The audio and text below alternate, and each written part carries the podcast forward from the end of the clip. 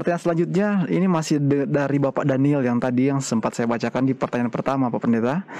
Pertanyaannya, dalam kejadian 17 ayat 20, apakah 12 raja dari keturunan Ismail takut akan Allah sama seperti bangsa Israel atau menentang Allah? Kita bacakan pendeta ayatnya. Kejadian 17 ayatnya yang ke-20. Tentang Ismail, aku telah mendengarkan permintaanmu. Ia akan kuberkati, kubuat beranak cucu dan sangat banyak. Ia akan memperanak 12 raja dan aku akan membuatnya menjadi bangsa yang besar. Demikian Pak Pendeta. Makasih. Jadi pertanyaannya adalah apakah pertanyaan sekali lagi pendeta saya bacakan dalam kejadian 17 ayat 20 apakah 12 raja dari keturunan Ismail yang tadi um, saya bacakan pendeta takut akan Allah sama seperti bangsa Israel atau menentang Allah Silakan. Terima kasih. Kalau dikatakan apakah mereka takut akan Allah sama seperti bangsa Israel, mungkin bangsa Israel pun tidak bisa dijadikan sebagai suatu standar yang sempurna karena dalam perjalanan kehidupan bangsa Israel grafiknya itu naik turun, mereka takut akan Allah, lalu kemudian mereka menentang Allah, bahkan mereka menolak nabi-nabi yang Allah kirim kepada mereka, mereka membunuh nabi-nabinya, makanya mereka dibawa ke pembuangan di Babel selama 70 tahun mereka di sana, kalau mereka dipimpin oleh raja yang takut akan Tuhan, mereka takut akan Tuhan. Kalau mereka dipimpin oleh raja yang menyembah berhala, menyembah Baal contohnya seperti Raja Ahab, maka semua bangsa itu kecuali sedikit yang tertinggal, semuanya menyembah berhala. Jadi bangsa Israel pun mempunyai perjalanan yang tidak mulus dalam uh, hubungan mereka dengan Tuhan karena sering mereka juga menentang Allah. Jadi bagaimana dengan uh, keturunan Ismail? Apakah mereka takut akan Allah atau mereka menentang Allah? Mungkin pertanyaannya lebih mendasar kalau kita tanyakan apakah ada kesempatan juga bagi keturunan Ismail untuk takut akan Allah. Entah mereka takut akan Allah atau mereka menentang Allah itu pilihan mereka, tapi dari pihak Allah yang menjadi pertanyaan kita apakah ada kesempatan bagi keturunan Ismail untuk mendapatkan keselamatan atau untuk men, untuk takut akan Allah. Kita tahu uh, bahwa Ismail mempunyai 12 orang anak. Kalau kita baca dalam kejadian pasal yang ke-25 ayat yang ke-13 sampai ayat yang ke 15 atau 16 di sana kita bisa temukan uh, nama-nama uh, dari uh, anak-anak uh, Ismail. Inilah nama anak-anak Ismail disebutkan menurut urutan lahirnya. Jadi dari yang sulung Nebayot, kemudian Kedar, Ab Adbil, Mipsam, Misma, Duma, ada Duma di sana, lalu Masa, Hadad, Tema, Yetur, Nafis, dan Ketma. Jadi demikianlah, mungkin kita tidak bisa menghafal nama-nama ini seperti kita menghafal 12 anak laki-laki dari Yakub, tapi itulah nama dari anak-anak Ismail. Coba ingatlah beberapa nama di sana, ada Nebayot, ada Kedar, ada Duma, Masa. Sekarang coba kita baca suatu ayat yang terdapat di dalam Yesaya pasal yang ke-60, Yesaya pasal yang ke-60 ayat yang ke-7. Sebelum baca ayat yang ke-7 mungkin kita baca dulu ayat yang pertama. Ayat yang pertama mengatakan bangkitlah menjadi teranglah dan terangmu datang dan kemuliaan Tuhan terbit atasmu.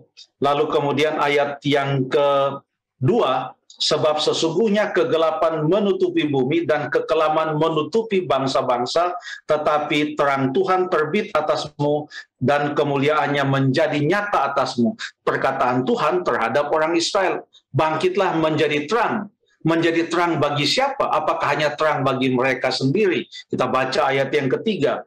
Bangsa-bangsa berduyun-duyun datang kepadamu dan raja-raja kepada cahaya yang terbit bagimu. Artinya, mereka menjadi terang kepada bangsa-bangsa lain oleh karena terang yang mereka pancarkan itu, maka bangsa-bangsa akan berduyun-duyun mengenal akan terang tersebut. Coba kita baca dalam ayat yang ketujuh ayat yang ketujuh, sebab kambing domba kedar akan berhimpun kepadamu, domba-domba jantan Nebayot akan tersedia untuk ibadahmu. Semuanya akan dipersembahkan di atas mesbahku sebagai korban yang berkenan kepadaku. Kita melihat di sini bahwa nampaknya nama Nebayot disebutkan tadi kita sudah baca salah satu dia adalah anak sulung dari Ismail lalu kemudian disebut juga Kedar dia juga adalah anak dari Ismail mereka juga keturunan mereka terlibat atau ikut serta di dalam penyembahan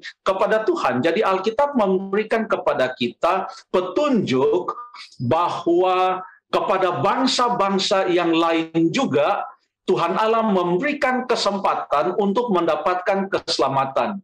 Dipilihnya bangsa Israel menjadi bangsa pilihan Allah tidak berarti merekalah yang dipilih, hanya merekalah yang dipilih untuk diselamatkan. Tidak. Tetapi mereka dipilih untuk menjadi terang. Makanya dari awal pada waktu Tuhan Allah memanggil Abraham, apa yang dikatakan oleh firman Tuhan. Kejadian pasal yang ke-12 pada waktu Tuhan Allah memanggil Abraham, dikatakan dalam ayat yang ketiga, aku akan memberkati orang-orang yang memberkati engkau dan mengutuk orang-orang yang mengutuk engkau dan olehmu semua kaum di muka bumi akan mendapat berkat. Olehmu, semua kaum yang ada di muka bumi akan mendapatkan berkat.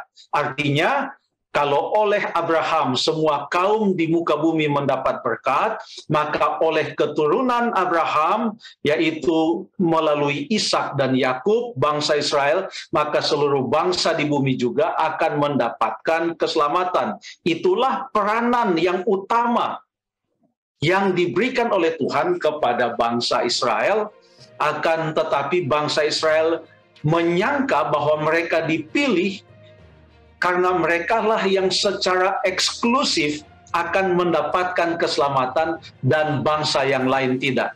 Itu adalah salah kaprah dari orang Israel sehingga membuat mereka tidak mau membiarkan bangsa-bangsa yang lain mengikuti akan Tuhan dan mereka menganggap bangsa-bangsa yang lain itu sebagai najis. Bahkan setelah kekristenan masuk melalui Yesus Kristus dan para rasulnya, maka orang-orang Yahudi yang telah menjadi Kristen pun mereka tidak mau melihat orang-orang dari bangsa lain menjadi Kristen kecuali kata mereka kalau mereka mengikuti segala macam tradisi termasuk sunat. Kalau tidak mereka tidak akan diizinkan untuk menjadi bahagian dari umat Tuhan. Yang saya mau katakan di sini uh, secara singkat adalah bahwa ya bangsa-bangsa lain termasuk keturunan Ismail semuanya mendapatkan kesempatan yang sama